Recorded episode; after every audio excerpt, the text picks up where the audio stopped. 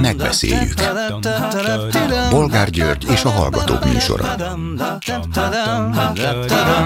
A műsor telefonszámai 061 387 84 52 és 061 387 84 53. Jó napot kívánok, Bolgár György vagyok. Mai műsorunkban beszéljük meg, hogy Orbán Viktor csak viccelt, amikor külföldi újságírók előtt azt mondta, hogy kiléptetné Magyarországot az Európai Unióból. A beszélgetésen résztvevő amerikai szerkesztő Rod Dreyer, aki blogjában először számolt be az eseményről, illetve a nagy vihart kavart kijelentésről, amelyet aztán gyorsan és magyarázat nélkül törölt is, most azt írta a népszavának írt levelében, hogy nem magyarázta el megfelelően, milyen összefüggésben hangzott el Orbán megjegyzése, de egyértelműen viccelt, mert mosoly futott át az arcán. Aha, mosolygós, vicces kedvében volt a mi bölcsvezetőnk, amikor azt mondta, hogy határozottan nem maradnánk az Unióban. Egyre kínosabb és röhelyesebb, nem? Ha csak nem vicces. Ide tartozik, hogy Dobrev Klára kijelentette egy hónapon belül hazahozná a visszatartott uniós pénzeket. De vajon ez a DK-hoz vonza-e a szavazókat? Lehet-e abban bízni, hogy a DK lesz abban a helyzetben, hogy ilyet megtegyen, és gyorsan megegyezzen az Európai Unióval? Következő témánk, hogy több százan vonultak Mike Pércsről Debrecenbe, a tervezett akkumulátorgyár ellen, ellen tüntetve. A kormánypárti politikusok és a kormánypárti média szerint a baloldal tudatosan rombol, és lehet, hogy meg is kapja érte a fizetséget méghozzá külföldről, dollárban. Tudják ezt a debreceniek és a Mike Pércsiek is? Mit szólnak ezen kívül ahhoz, hogy a bíróság garázdasságért első fokon pénzbüntetésre ítélte Varjú Lászlót, a DK alelnökét, akit négy éve az állami tévé épületében biztonsági őrök bántalmaztak. Nem a kidobó embereket büntették meg, hanem a letepert, földön rángatott képviselőt. Kiszámít garázdának Orbán Viktor Magyarországán? és végül beszéljük meg, hogy kiemelt stratégiai szintre emelte Magyarország kapcsolatait Azerbajdzsánnal, Orbán Viktor, aki ma az azeri elnökkel találkozott Budapesten. Hiába, ahol gáz és olaj van, az számunkra kiemelt partner, már kivéve a Szövetséges Egyesült Államokat? Telefonszámaink még egyszer 387 84 52 és 387 84 53. Háló, jó napot kívánok! Halló, üdvözlöm Bolgár úr! Parancsoljon! Verne Sámuel vagyok, én vagyok vonalban, ugye? Igen. Köszönöm a lehetőséget.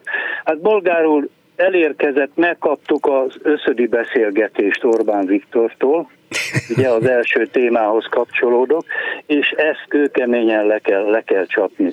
És semmi más nem kell csinálni, bolgár úr, azt, ahogy ők a gyógycsányt kikészítették, kell neki adni egy nevet Orbán Viktor úrnak, miniszterelnök elvtársnak, hogy úgy mondjam, például országrontó, vagy valami, ezt minden alkalommal ugyanúgy, mint a szemkilövetőt, ezt, ezt meg kell, nem pontos ez, hát valaki kitalál jobbat, legyen más. Ezt kell alkalmazni, és a másik, a következő bolgár úr, hogy ki kell vonulni, amikor ő szólásra emelkedik, ki kell vonulni a parlamentből. Ki kell. Ott kell hagyni, nem kell meghallgatni ezt az embert, bolgár úr, a hajóágyú elszabadult, de van más, más hasonlatom is van, vagdalkozik valaki a, a ringbe, és, és saját magát saját magát megüti. Tehát nem, az, az a baj, hogy nem magát üti meg, hanem minket. Hát igen, de hát az mindenki, hát tudnia kell az embereknek, hogy ennek mi lesz a következmény, mi lehet, mi lesz a következménye. Tehát Igen. itt sakmat, én szerintem Nézze, sakmat a helyzet. Sok bolgári. mindenben egyetértünk, csak abban nem egészen, hogy ez volna Orbán összödi beszéde. Megmondom, hogy miért nem, mert Hát egyrészt ugye az összödi beszéd az egy önkritikus szembenézés volt, míg ez lényegében Orbánnak az a, az a mániája, meggyőződése, hogy nekünk nekünk végeredményben nincs is helyünk, nem, a, nem az Európai Unió a természetes helyünk, Európa velünk szemben áll, és ezért nekünk állandóan harcolnunk kell vele. Ahogy most kiderült egy újabb részletben, mi tovább fog mélyülni ez a szakadék. Tehát azt mondom, hogy Gyurcsány szembenézett a valósággal, önkritikus volt, Orbán pedig a saját véleményére akarja alakítani a valóságot, és ez abszolút ellentétes az ország érdekeivel. Az, ahogy Gyurcsány akkor szembenézett vele, az az ország érdekeinek egyébként megfelelt. De nem is ez a lényeg, hanem inkább a formai elem, hogy az a Gyurcsány beszéd a felvételen is hallhatóan magyarul hangzott el, mindenki értette, ez itt nincs is meg hangfelvételben, legalábbis ezt még nem közölték, és ha meg lenne, akkor is csak angolul, vagyis a hatása nem tud akkora lenni, mint amekkora az a magyar nyelvű hangfelvétel volt.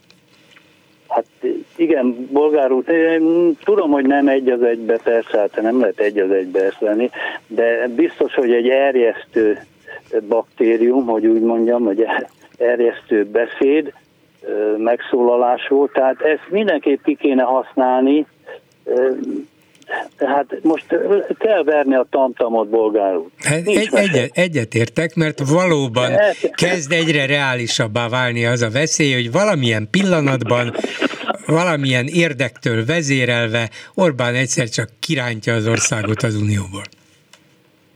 Akkor még, még valamit hozzátennék röviden, bolgár úr, hogy most be, felvetette múlt héten valaki, hogy most a személyére vonatkozóan kell ki, ki kell az ő személyiségét kezdeni erkölcsileg, és stb. stb. Itt, itt sorakoznak egy csomó olyan, sorakozik egy csomó olyan dolog, ami nem lett, nem lett tisztázva, nem lett végigjárva. Például most elkezdem az elején a svájci bankszámla akkor az orosz mafiózóval való találkozás, amiről esetleg valami videó is van, akkor a katonaságnál, hogy esetleg ő beépített ember volt, akkor a, a, a lölővel való kapcsolat, hogy ő, na, milyen szerepe van a lölőnek a, az ő, ő vagyonában ezek, ezeket mind sorra is végig kéne már járni, Minde, mindegyiket tudnám, hogy ki, ki lehetne, aki, aki végigjárja. Mind, mindegyik ellenzéki párt, mondjuk ez a svájci bankszámla, ez a legjobban a, talán a, a, a DK-nak illene. Akkor a, a mit tudom én, a katonaság ügy a, a Momentumnak, tehát ki lehetne osztani, bocsánatot kérek mindenkitől, hogy kiosztom a feladatot, de ezeket végig kéne már járni. Ugye Gyurcsánynak is volt egy, volt egy felvetése, lebegtetett valamit, aztán ugye nem lett belőle semmi, de érdekelne engem is, meg gondolom sokakat, hogy, hogy mi volt ez, mi, mi az, ami, ami szület. Na de ha nem lett belőle semmi, akkor valószínűleg igen, azért nem, mert nem találták meg azt a valamit, amit kerestek. Igen, igen lehetséges az is, hogy be akarták palizni a gyurcsán, nincs, nincs, nincs az se kizárva hogy, hogy bolondot akartak belőle csinálni, és aztán nem ment lépre. Magyarán ezek, ezek mind fontos és, és adott esetben döntő jelentőségű tények lehetnének, ha megtalálnák hozzá a bizonyítékokat. Jó, hát én csak, nekem csak az a kérésem, hogy akik ebbe tudnának valamit tenni, ügyvédek, külföldi tudósító, mondjuk nem tudom ki, aki Orosz, Oroszországba járatos kapcsolata van, göngyölítsék már fel, ezek, én úgy érzem, ezeknek nem lett végére járva ezeknek a dolgoknak. És ezek, ezek kellenének most ahhoz, hogy szépen főnök urat egy kicsit lejjebb, a lóról egy kicsit megpróbálni lebillenteni. Ne, nem tudok más mondani. Hát igen, vagy hát, leg, igen. legalább a ló kimúlna alatta, és akkor a Dakota, mint a Dakota közmondásban igen, leszállhatna a lóról. Igen. Lovat kell elaltatni alatt egy injekcióval.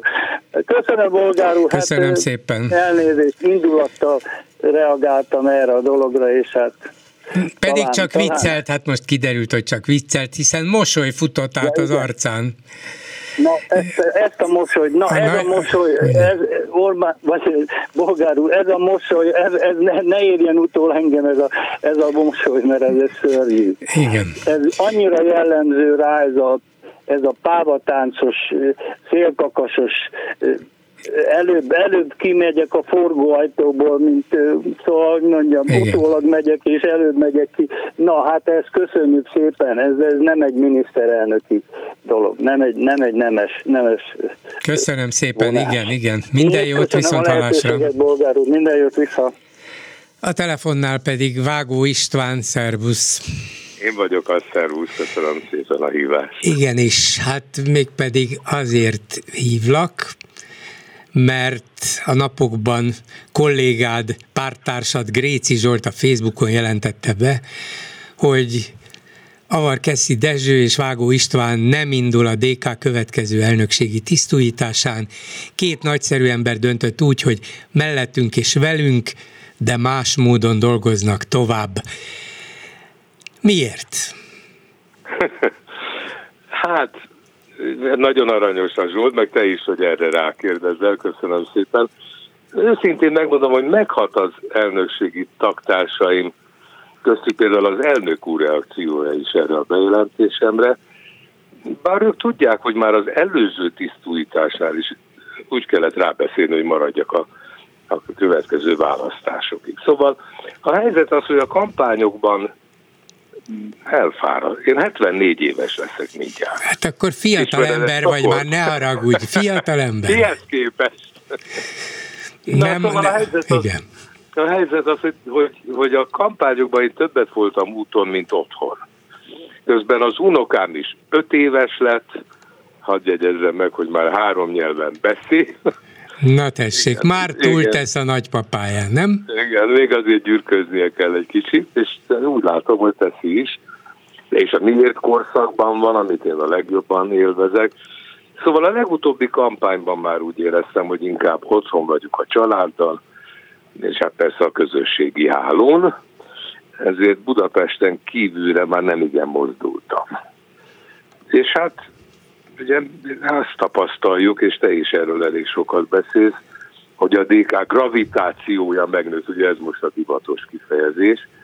Nagyon sok kitűnő régi és új DK-st ismertem meg, és egyre többen és rátermettebbek jelentek meg a csapatban.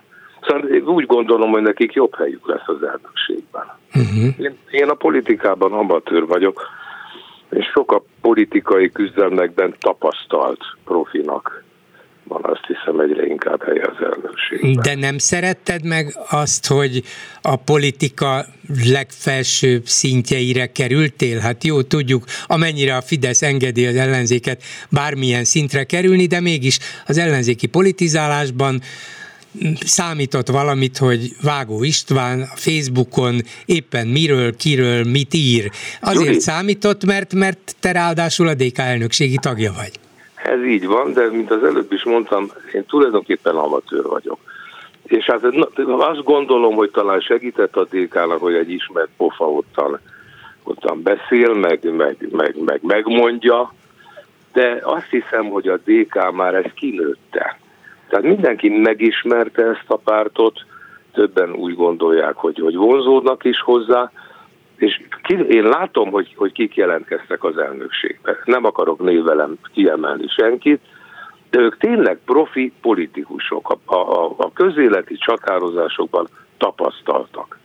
Én meg, én meg végül is megmaradtam egy ilyen duzzogó, sok, minden, sok mindentől felháborodó embernek, de nem, azt hiszem, hogy a DK most már tényleg azon a szinten van, hogy profikra kell bízni, és én magamat nem tartom annak. És nem bántad meg, hogy az elmúlt éveket mégis profi politikusként is kellett töltened?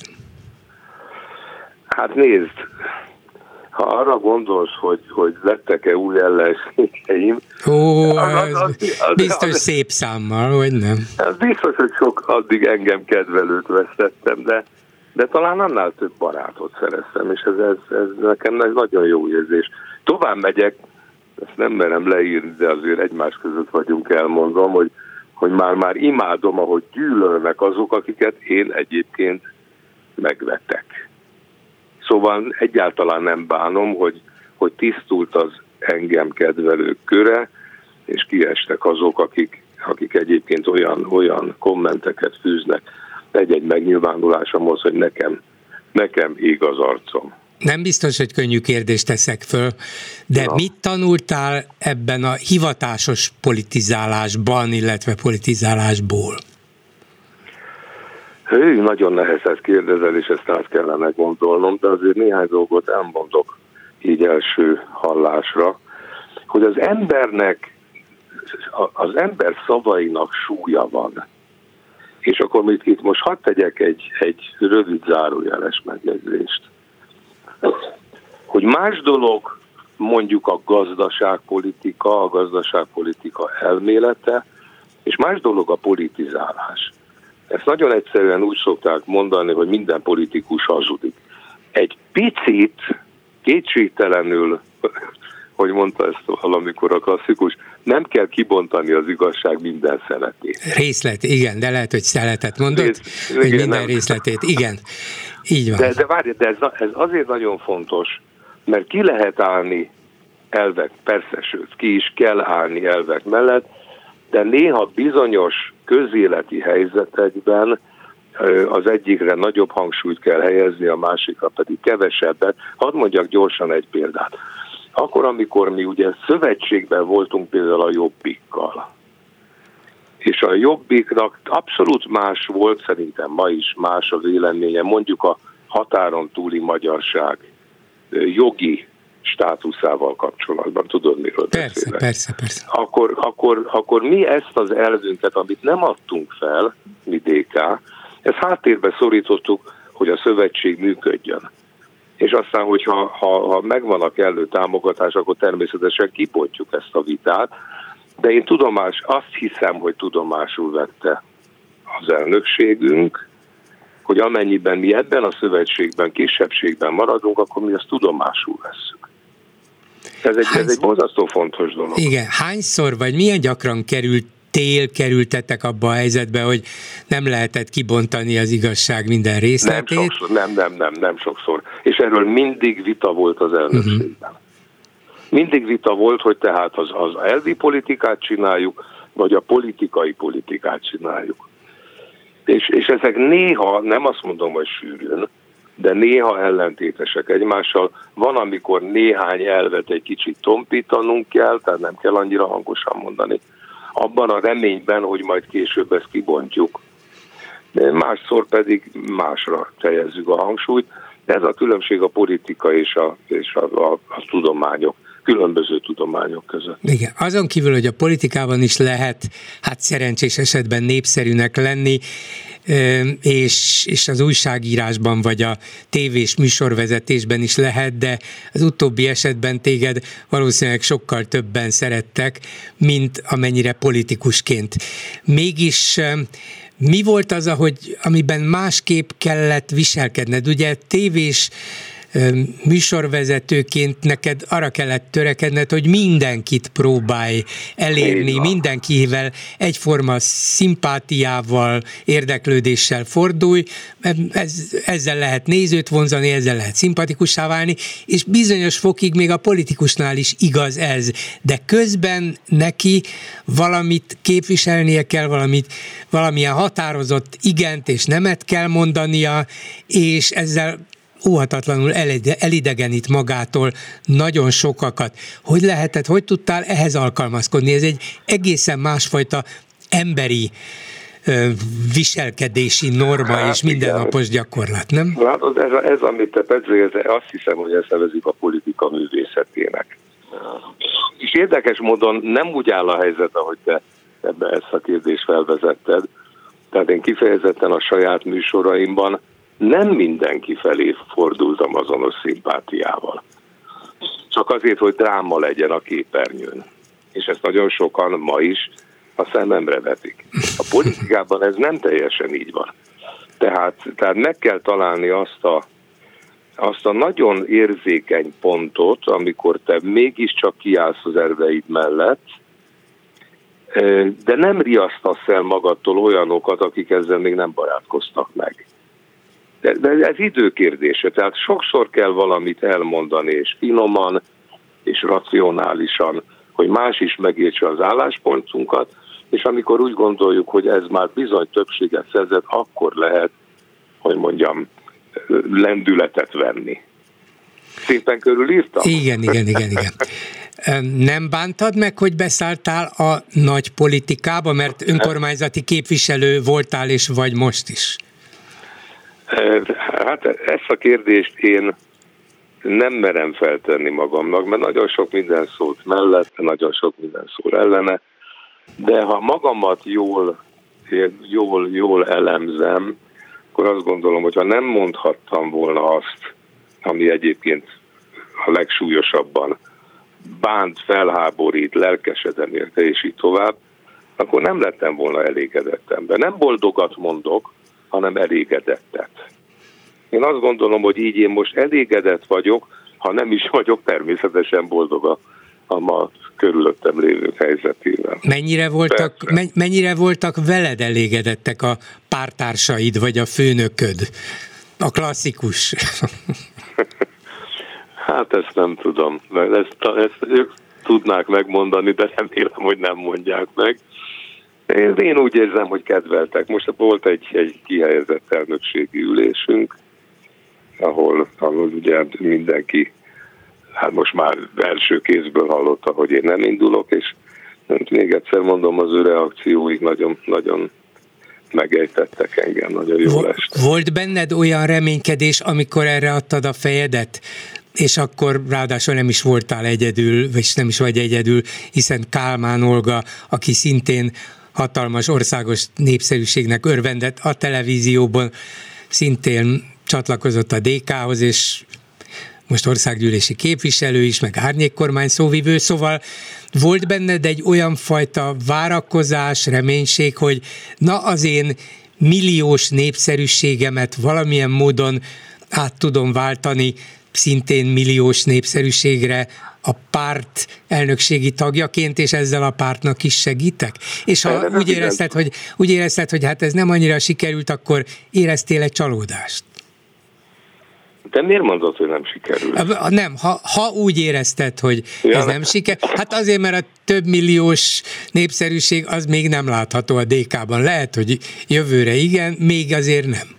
Ja, a kérdéshez röviden tudok válaszolni, igen, arra számítottam. Most figyelj, hogy hogy hangsúlyozom. Arra számítottam, hogy sokan jönnek majd velem, és nem úgy hangsúlyozom, hogy arra számítottam, hogy sokan jönnek velem. És én szerintem ez, remélem, hogy így is van, ez, ez elemezni kéne a tagság körében, vagy a támogatóink körében, hogy volt-e nekem szerepem abban, hogy, hogy ők csatlakoztak ehhez a párthoz, akár szavazóként, akár tagként. És én azt remélem, hogy sokan vannak ilyenek, persze. Persze. Az, hogy a DK a legerősebb párt, hát ki tudja, hogy hogy kinek mekkora szerepe volt ebben. Én csak remélem, hogy nekem is volt valami szerepem ebben, persze. Um. Na, borzasztó érdekes, ha az Olgát említed. Ugye magamról is, Olgáról is, olvasom most direkt ebben a sorrendben mondom, hogy mi, mi, mi bukott tévések vagyunk. Hát bukottak vagyunk abban az értelemben, hogy ezeknek a mostaniaknak az eltársai kirúgtak bennünket. Tehát ez, ez nem, nem a klasszikus bukás sőt, hát mostanában ugye azok, akik eddig kedveltek bennünket, azok úgy magyarázzák ezt a mostani helyzetet, mármint, hogy nem azt mondjuk, amit ők szeretnének, hogy ők tévedtek. Hát végül is ugye én lebuktam, hogy olvastam a válaszokat a képernyőről, természetesen nem igaz, ezt több helyen száfoltam. Az Olgára meg azt mondják, hogy persze, hát ő volt ez a független objektív, és most lehult a lepel. Tehát az ő szem, így magyarázzák maguknak, hogy régebben kedveltek bennünket, ma meg már nem. Akkor még egy, lehet, hogy utolsó kérdés, de ki tudja még mit válaszolsz rá, és akkor utolsó előtti lesz, szóval a, akár még Olgát is ide számítva, mert gondolom azért sokszor beszéltek egymással. Persze. Hogy, hogy mekkora és milyen nehéz váltás volt az, az egyik fajta népszerűségből és közfigyelemből átlépni egy másfajtába, ahol szintén rengetegen figyeltek, figyelnek rátok, de mégiscsak egész más szerepet töltötök be. Ráadásul nem 30-ról 40 éves korra határoztátok el ezt a váltást, hanem egy kicsit később. Szóval nem lehet egy ilyen, egy ilyen fajta átlépés az egyik fajta műfajból egy egész másba, vagy nagyon másba könnyű. Mennyire, mennyire volt ez egy nehéz nehéz szakasz az életben, vagy mennyire, mennyire tudtál megbirkózni azzal, hogy egyik pillanatról a másikra mások az elvárások, más a közeg, mások a reakciók, máshogy kell élni? Hát Olga nevében persze nem tudok válaszolni. Magamról el tudom mondani, hogy hogy is szokták ezt mondani, hogy újabb kihívások elé állított az élet, és ezt vagy az ember kudarckerülőként, vagy pedig sikerorientáltként próbálja megélni. Én feltétlenül az utóbbihoz tartozom. Tehát az, hogy egy új, engem 2010-ben kirúgtak, hogy miért ezt most nem, nem részletezném, mert a TV2 megint beperel. Mert hogy beperelt, de azt a pert elveszítette. Mindegy, nem akarom én ezt forszírozni. Na a lényeg az, hogy én 2010 óta gyakorlatilag tévé nélkül élek. És 2010-ben voltam én, hát 60 éves, 60 év körül, tehát éppen el tudtam menni, akkor még akkor lehetett menni nyugdíjba, 62 évesen. És onnantól kezdve azt gondoltam, hogy új, hogy kezdődik egy, kezdődik egy abszolút új szakasz. És ez engem felvillanyozott, én ezt élveztem. Tovább megyek, most is élvezném, ha azóta nem lettem volna 74 éves. De mindegy, kicsit, kicsit tévé marad, hiszen a DKTV továbbra is csináljuk együtt Olgával. Tudod, mit egyszer felteszem neki nyilvánosan ezt a kérdést ott. Helyes. Akkor még azt Jó. mondta, hogy a DKTV-n kívül a politikában valamennyire, ha nem is az elnökség szintjén maradsz?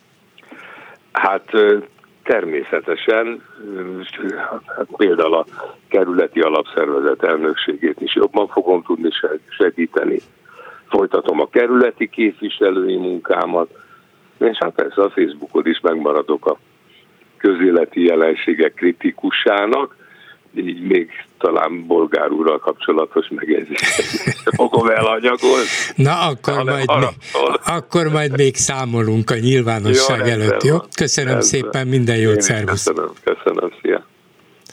Háló, jó napot kívánok! Napot kívánok, Háló Sándor. Parancsoljon! Hát én egy kollégája voltam a Vágó Istvánnak, csak soha nem találkoztam vele. Hát ő más területen dolgozott, én meg képvágó voltam. Úgyhogy a Kálmán Ógához tennék még egy megjegyzést. Igen, lehet. hogy nem? Hát a, a férje, nem akarom mondani a nevét, rendező volt, és sokáig együtt dolgoztam vele. És a, mindenki tudta, hogy ki a Kálmán Óga férje. És egy olyan amikor egyszer csak megtudta valami nagyfőnök, hogy ki a Kálmán maga férje, akkor páros lábba rúgták ki a tévét. MTV uh-huh. uh-huh. Csak ez csak egy mellékes. Na de ha mindenki ahol... tudta, akkor, akkor az az illető, aki kirúghatta őt, az, az még nem Most tudta? Van. Igen, hogy, hogy, uh-huh. hogy ne. Sőt, meghalt az, aki meg, Gyukics, vagy hogy hívták, meghalt. Nagyon ügyes ember volt, csak sajnos aki ezt szolgálta. Uh-huh. Na ezt csak mellékesnek mondtam. Akkor mondom, az akkum, akkumulátorgyárhoz szeretnék hozzászólni, azt még egy-két-három dolgot elmondanák. Az LMP, én szerintem, bocsánat, egy fideszes háttér szervezet. Tudjuk, hogy az előző választásokon hogy mi viselkedett, hogy nem akartak összefogni, aztán összefogtak, aztán stb. stb. Most lenne egy népszavazásuk, amire benyújtották egy, egy debreceni népszavazásra a kezdeményezésüket, akkor még senki nem hallott erről a gyárról, és mit ad Isten, véletlenül a Fideszes választási bizottság átengedte. Ugye? És Vagy aztán hát vissza, végül visszavonták, az LMP visszavonta. Igen, igen, igen, igen. Hát erre mondom azt, hogy egy Fideszes háttérszervezet, mert most, amikor kitört a balhé, pillanatok alatt össze lehetne gyűjteni Debrecenbe ezt a 38 ezer 38 ezer uh, uh, ajánlást. Igen De most tovább léptek, mert most országosra léptek, tehát a reménytelen, semmi esély nincs. Igen. Mert azért gondolja, hogy nincs remény, mert országosan azért az emberek túlnyomó többségét nem érinti személyesen egy, egy akkumulátorgyár, nem félnek, nem aggódnak, nem figyelnek annyira, hiszen nekik ez közvetlenül nem számít annyit, ellenben egy városban, ahol egyre nagyobb hullámokat verez a terv, ott sikerre lehetne lebonyolítani egy ilyen népsz, népszavazást. Így van, így van, egyértelmű. Most, amikor már kitört a balé, lehetne sikerre vinni a választást, gyorsan visszavonták, és elmegyünk országosan, reménytelen. Hát mutatják az ATV-ben is, hogy mikor voltak a népszavazások, mikor volt sikeres, sikertelen. Sikertelen, nem érdekli az embereket. Ott helyben érdekli őket, de onnan visszavonták. És mire a, a fölébred a Fideszes Választási Bizottság, most nem fogják átengedni az összes többi bármilyen keze, ke, ke, ke, kezdeményezést. Uh-huh. Hát könnyen Akkor lehet, mire, könnyen lehet. Mire a véletlen átengedik, meg mire véletlenül szavazás kerül, addigra már a BMW-kbe benne lesznek az akkumulátorok, amit ott gyártanak. Én nekem ez a véleményem. Hát könnyen lehet, de azért, hogyha Debrecenben folytatódnak a tiltakozások, nem mondom, hogy ettől ettől nagyon megijed Orbán Viktor, de azért egyre kínosabbá válhat, és lehet, hogy azt gondolják, hogy még mindig jobb megengedni egy ilyen helyi népszavazást, mert adott esetben az is kijöhet érvénytelenre, mint, mint tovább engedni ezt a tiltakozás hullámot.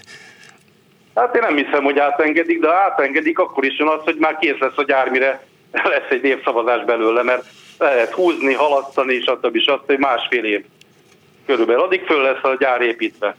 Uh-huh. Szerintem ez a véleményem. Akkor van még ez a, most befejezném ezt a témát, van egy kiszivárogtatás, ugye?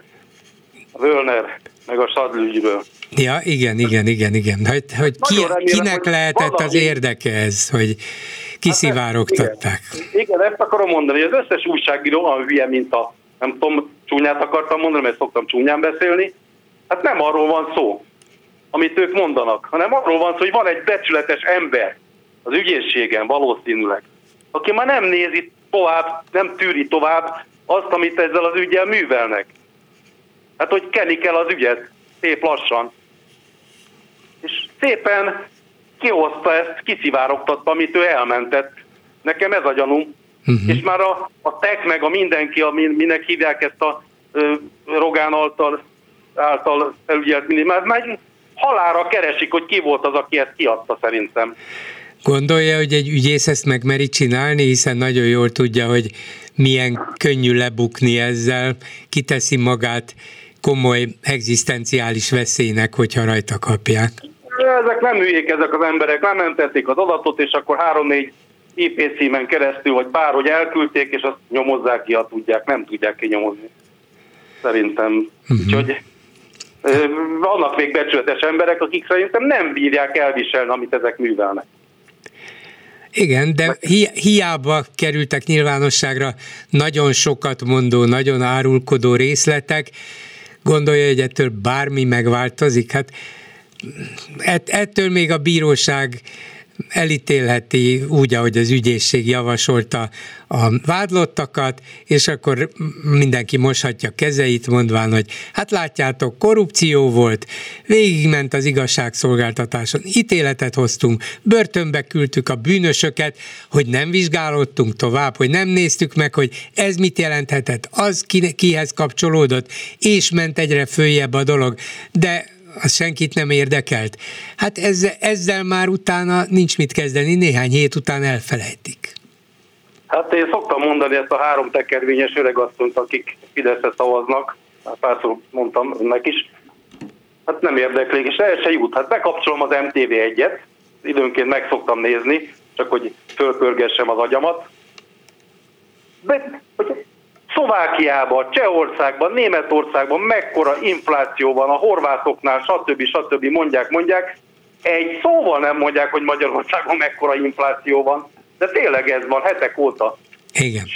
Egymás után jelentkeznek valóban a külföldi tudósítók, hogy itt Itt mekkora, van. ott mekkora, és látszólag micsoda, micsoda fantasztikus információ áradat. Hát a, a közszolgálatinak hazudott rádióban remekül beszámolnak Európa szinte minden országáról, mindenhol csak a vész, a baj, az infláció, a gazdasági problémák, hát hogy itthon, itthon meg Hát egy szóval nem Siker, kerül semmi. Sikert semmi. sikerre halmozunk. Itt az a, az a hír, hogy az év végére le fogjuk szorítani egy számjegyűre az inflációt. Ja, hogy, most mennyi, hogy most mennyi, arról nem beszélnek.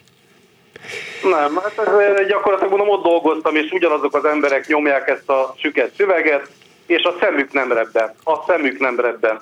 Egy-két műsorvezetőt lecseréltek, mint ezt a német Balást, elment több pénzt keresni, mert most már gondolom Tikinek érezte azt, hogy nem, nem hiszem, nem hiszem. Hát, hát ő is az egyike volt annak, aki, akinek nem rebbent a szemesen. Ugye mi az, hogy Pitbull? Úgy hívták, hogy Pitbull. Na, pláne. Hát ő volt a, a fő-fő. Hát azért Most mondom, nem... hogy nem azért ment el, mert már nem bírta, hanem mert még jobbat ajánlottak neki, nem? De valószínűleg igen, igen, igen. Most befejezem gyorsan, mert még egyet mondanék, hogy a van ez az Azerbajdzsán, vagy honnan jön ez az áram? Azerba, hát nem jön még, még csak a szöveg jön. Na most én azért kicsit elektronikus szakmába végeztem, és mikor hát jó régen dolgoztam, mert most már 65 éves elmúltam, 66 leszek nem sokára.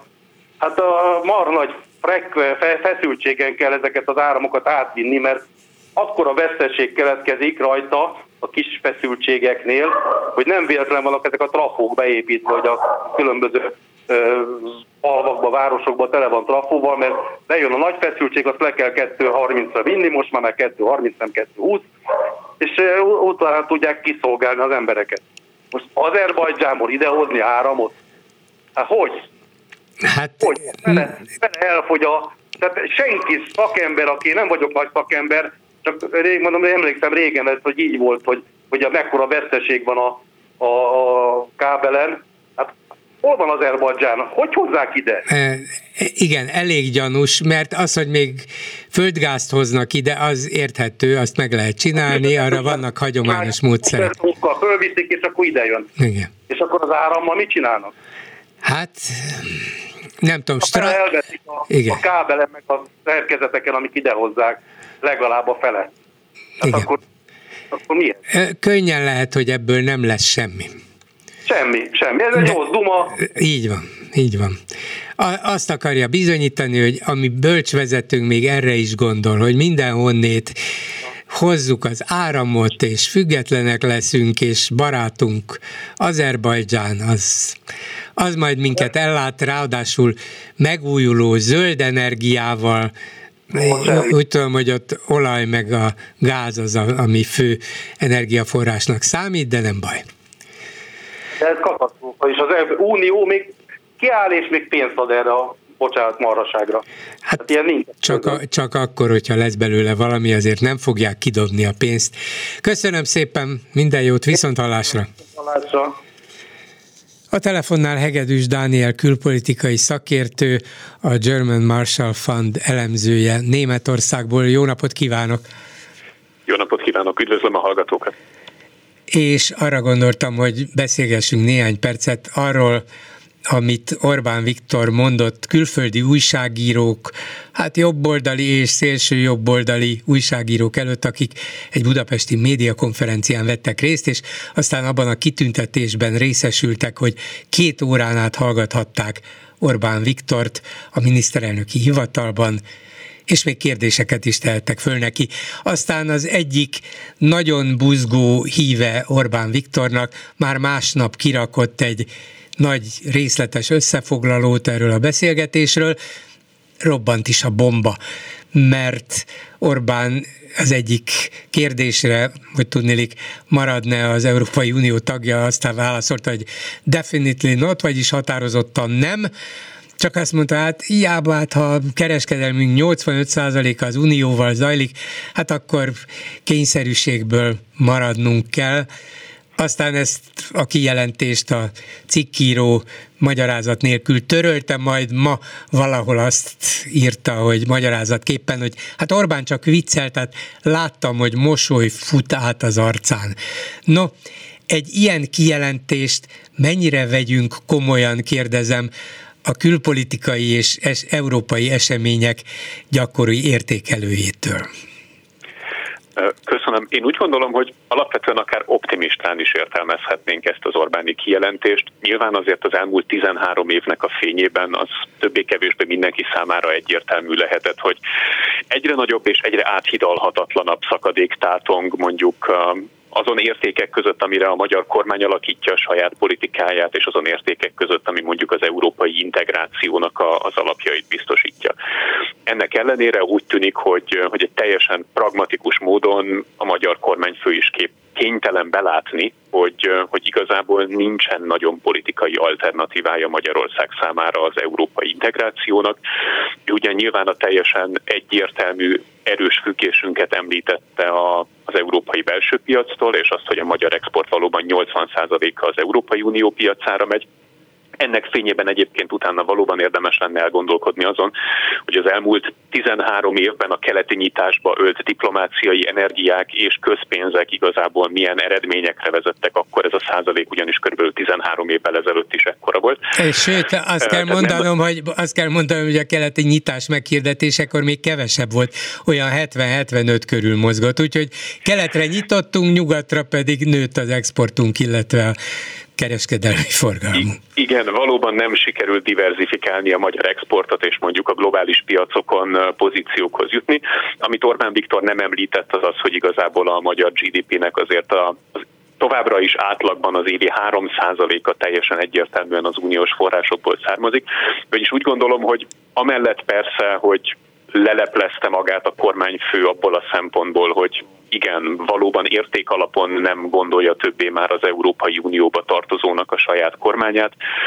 Nincs más alternatíva, mint Magyarországot bent tartani ebben az integrációban, ugyanis gazdaságilag ezen kívül nincsenek reális alternatívák a számára. Úgy gondolom, hogy egyébként nagyon sok nemzetközi partner számára, akik amiatt is aggódnak Magyarország orosz barát vagy Kína barát politikája tekintetében, hogy esetleg ezek a nagyhatalmak stratégiai alternatívát jelenthetnének az országnak az Európai Unión kívül. Most a legmagasabb szintről kaptak bizonyságot, hogy nem a magyar kormányfő sem tekinti őket igazából stratégiai alternatívának. Egy ma kiszivált, nem kiszivárgott egy, a részt, egyik résztvevő által közölt beszámoló egyik tekintetben még tovább megy, mert méghozzá egy német újságíró mert szerinte Orbán arról is beszélt, hogy ha valami történni fog a következő években, hát ha nem is a magyar kilépés, de a szakadék még mélyebb lesz az Unió és Magyarország között, mert a migráció, meg az LMBTQ mozgalmak körüli kérdések, illetve nézeteltérések, és Amerika terve, ezen pontosan nem tudom mit ért, ügyében annyira eltér az ő véleménye a többi uniós tagországétól, hogy, hogy itt ez a szakadék egyre, szakadék egyre nagyobb lesz.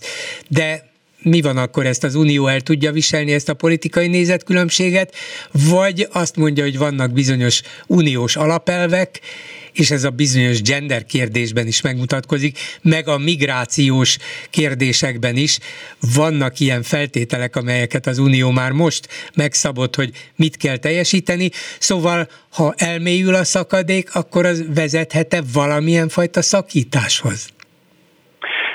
Én úgy gondolom, hogy azért próbáljunk meg némi forráskritikával kezelni a miniszterelnök úrnak a szavait.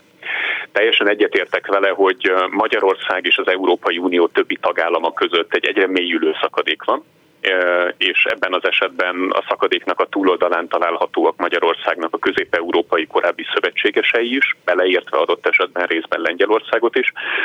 Azonban az oka ennek a szakadék mélyülésének nem a magyar kormánynak a migrációs, vagy pedig a gender kérdésben elfoglalt álláspontja, hanem a magyar kormánynak az Európai és az Észak-Atlanti Szövetség tagjainak a jól felfogott kollektív biztonsági érdekeivel szembe menő álláspontja a jelenleg Európában dúló háborúban, ahol a magyar kormány saját szövetségeseivel szemben rendre akadályozza azt, hogy ők egyébként minél nagyobb mértékben tudjanak segítséget nyújtani egy agresszió áldozatává vált országnak, ami Ukrajna, és próbálják szankcionálni az agresszort, ami pedig Oroszország. Tehát úgy gondolom, hogy itt Orbán Viktor elnézést a kifejezésért eléggé határozottan félrebeszélt, a fő konfliktusvonalak nem ott húzódnak, ahogy ő azt egyébként szeretné beállítani, és nyilvánvalóan pont az olyan országokkal fenntartott szövetség miatt, mint Lengyelország, nagyon kényelmetlen neki beismerni, hogy Magyarország valóban teljes egészében elszigetelté vált már az Európai Unióban,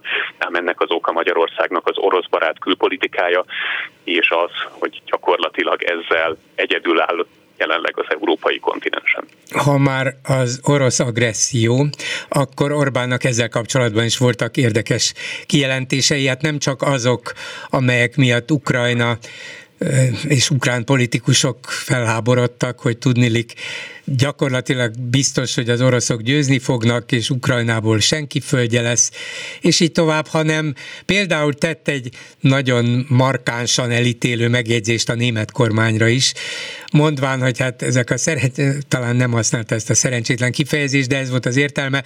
Szerencsétlen németek kezdték azzal, hogy ők csak sisakokat küldenek Ukrajnának, és aztán most már a tankoknál tartunk. De hát emlékeim szerint, amikor Németország valóban felajánlott 5000 sisakot Ukrajnának, akkor még csak januárt írtunk, egy hónappal voltunk a háború kitörés előtt. Tehát azzal érvelni, hogy Németország semmilyen módon nem akart a háborúba beavatkozni, és ezért fegyvereket nem is szállított, teljesen alaptalan, amikor még nem is volt háború. Két nappal a háború kitörése után Scholz már közölte, hogy de igenis szállítunk természetesen fegyvereket is, hogy aztán ebből mostanra harckocsik lettek, az meg egy következő kérdés.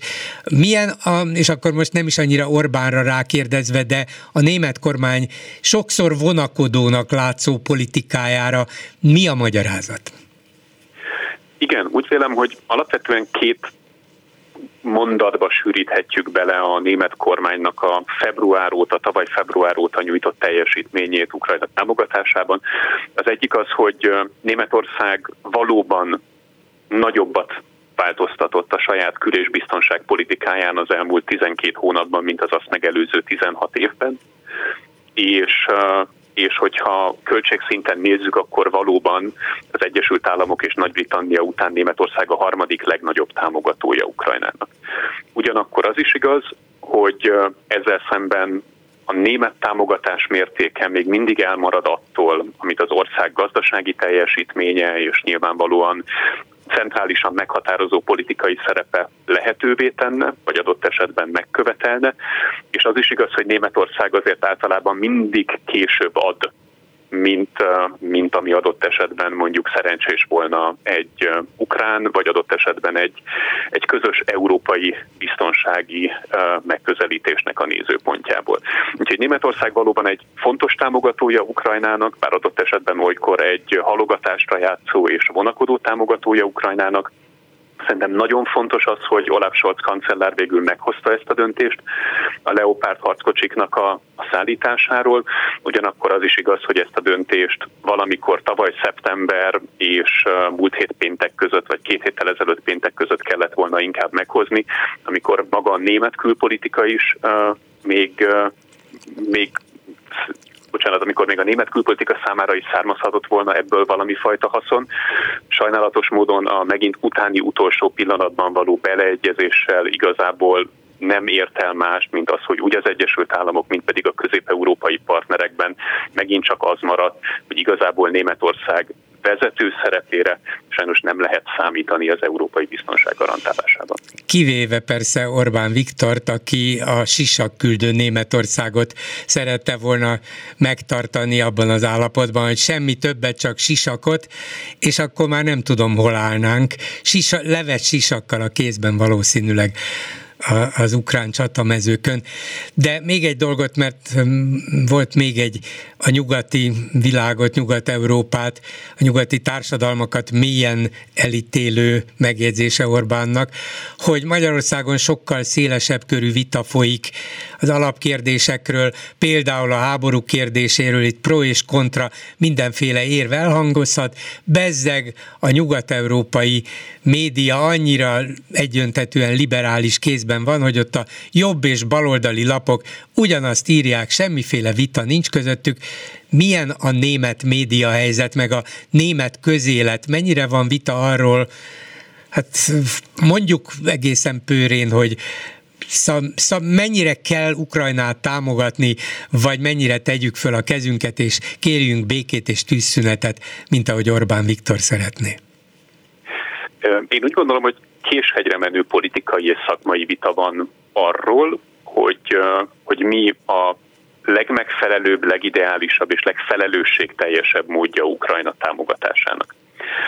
Létezik a jobb és baloldali politikai szélsőségek között természetesen olyan álláspont is, ami közel áll a magyar kormányéhoz, és ezáltal nyilván kedvesebb lenne Orbán Viktor szívének, ami arról szól, hogy nyilván az áldozatot át kell adni az agresszor szabad akaratának. Tehát a középrész az nyilván azért nem ezt az álláspontot képviseli, de az, hogy mondjuk mi, le, mik azok a német lépések, amik egyszerre segítik Ukrajnát, de adott esetben próbálnák elkerülni a, a háborúnak a felesleges további eszkalálódását. Ezek a viták napi szinten és igen aktívan zajlanak egyébként a német közéletben. Úgy gondolom, hogy bármelyik nyugat-európai társadalom van, ahol azért egy szabad és plurális média környezet létezik, azért a, a társadalmi vita arról, hogy az adott országnak mi legyen a politikája, az, hogy is mondjam, sokkal hétköznapibb, mint egy olyan országban, ahol a kormány szervez rendszeres nemzeti konzultációkat, és, és manipulálja a, a közvéleményt ezen keresztül. Tehát úgy gondolom, hogy talán a szabad véleményalakítást az első környezetben nagyobb lehetőség nyílik, mint, mint Magyarországon. De nyilván ez, ez ízlés dolga. Én úgy gondolom, hogy az, hogy önmagában valaki liberális vagy baloldali, az nem predestinálja egyébként az álláspontját az ukrán-orosz kérdésben erre talán a legjobb példa az, hogy a jelenleg ma a német kancellárt is adó német szociáldemokrata az SPD nagyon hosszú időn keresztül tradicionálisan alapvetően orosz barátnak számított az európai politikai térben, és nagyon sokan, akik egyébként kritikusak a német külpolitikával kapcsolatban, fel is szokták ezt az orosz barátságot hánytorgatni, mint egy magyarázatot arra, hogy miért visszakozik mind a mai napig a német kormány, illetve késlekedik bizonyos lépésekkel. Úgyhogy úgy gondolom, hogy nem egy annyira fekete-fehér helyzet, mint ahogy ezt Orbán Viktor próbálja beállítani. Miközben a jobboldali kereszténydemokraták meg sürgették a határozottabb kiállást Ukrajna mellett. Ez, ez így van, ez így van. Nyilvánvalóan ma már a CDU sem lenne vonatkoztatási pont Orbán Viktor számára, hát sokkal inkább az AFD soraiban találná meg a német belpolitikában a szövetségeseit, vagy pedig a szélső baloldali volt kommunista Dilinkének a soraiban de fogalmazzunk úgy, hogy a miniszterelnök úr is általában azokra az információkra szokott hivatkozni, amik mondjuk a saját nézőpontját támogatják, és elegánsan figyelmen kívül hagyja a valóságnak azt a részét, ami ezzel viszont konfliktusos viszonyban áll. Köszönöm szépen Hegedűs Dániel külpolitikai szakértőnek, a German Marshall Fund elemzőjének. Viszont hallásra! Köszönöm szépen, viszont hallásra! Megbeszéljük. Bolgár György és a Hallgatók műsora. A műsor telefonszámai 061 387 84 52 és 061 387 84 53. Halló, jó napot, jó estét kívánok! Jó estét kívánok, a bolgár én vagyok a vonalban. Igen, tessék. Én Attila vagyok, jó estét vagy jó napot. Na, én a következőt szeretném mondani. Már múlt héten nagy téma volt az orosz-ukrán háború, és most is, hát az mindig most téma.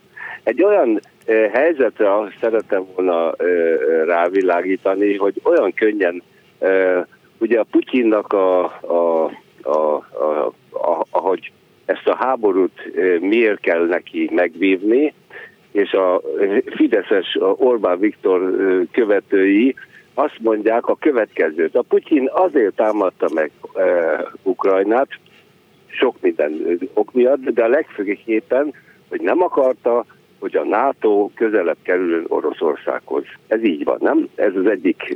Igen, ez a, ez a fő érv talán, igen. Na most, ha az ember utána gondol, a következő. Putyin azt mondja, hogy ukrán, ukrán, ukrán nép se, meg az ukrán ö, ö, nemzet se létezik. Tehát ezért neki ez tulajdonképpen, hát eddig nem sikerült, de ez a cél, hogy meghódítsa, ugye? Vagy legalábbis egy fél orosz vazalus államot Na most, ha ez sikerülne neki, hát akkor ő saját maga Kerülne közelebb a NATO országokhoz, hát nem egyel közelebb, hát pontosan, hát a, a, ha Ukrajna az orosz fennhatóság alatt van, akkor Magyarország, Szlovákia, Csehszlovákia, vagy Cseh, Lengyelország, az mind NATO ország. Hát ő szállítja magát ki a kés alá, hogy úgy mondjam. Tehát ez olyan könnyű lenne ezeket, a, és a Fidesz főleg a, itthon ugye fontos, megszáfolni. Hát ez, ez, ez önmagában ellentmondás, nem? Hát igen, hogyne, hogyne. Csak persze azzal lehet viszont érvelni, hogy hogy na hát jó, lehet, hogy ez, ez formálisan így van, na de még mindig ott lenne az a bizonyos hatalmas ukrajnai terület Oroszország védelmére. Oroszország tehát nagyobb biztonságban érezheti magát, hogyha a NATO országoktól mégis egy általa kontrollált nagy Ukrajna védelmezi meg. Igen, igen, igen. De hát tulajdonképpen ő saját maga vonulna, hogy úgy mondjam. Hát a igen, a NATO országokhoz, hogy na tessék, itt vagyok. Nem beszélve arról, hogy, hogy, hogy a, a, a, a szörnyű háború miatt, ugye hát Finország és e, biztos, Svédország is egész biztos vagyok, hogy a török választások után be, e, megkapják az engedélyt. Hát akkor egy 1300 kilométeres határon ott vannak a a, a, a NATO csapatok, úgy hogy mondom. Igen, de a, maga... abban is biztosak lehetünk, hogy Finnország vagy Svédország nem fog rátámadni Oroszországra, csak azért, hát mert a NATO tagja de, lesz. De azért neki, hát a, a, a tézise mindig az, hogy a NATO az agresszív, a NATO meg akarja hódítani Oroszországot, és annyit jelent, hogy hát ha ott vannak a NATO csapatok Finnországban, hát akkor neki ott egy óriási, hogy mondjam, ellen védelmi vonalat kell fölépíteni, nem? Hát 1300 kilométer az nem semmi. Így van, igen. Úgyhogy, úgyhogy csak erre akartam rámutatni, hogy hát ez önmagában ellenmondás, nem? Természetesen, köszönöm szépen, viszont Én hallásra. Minden jót, jó.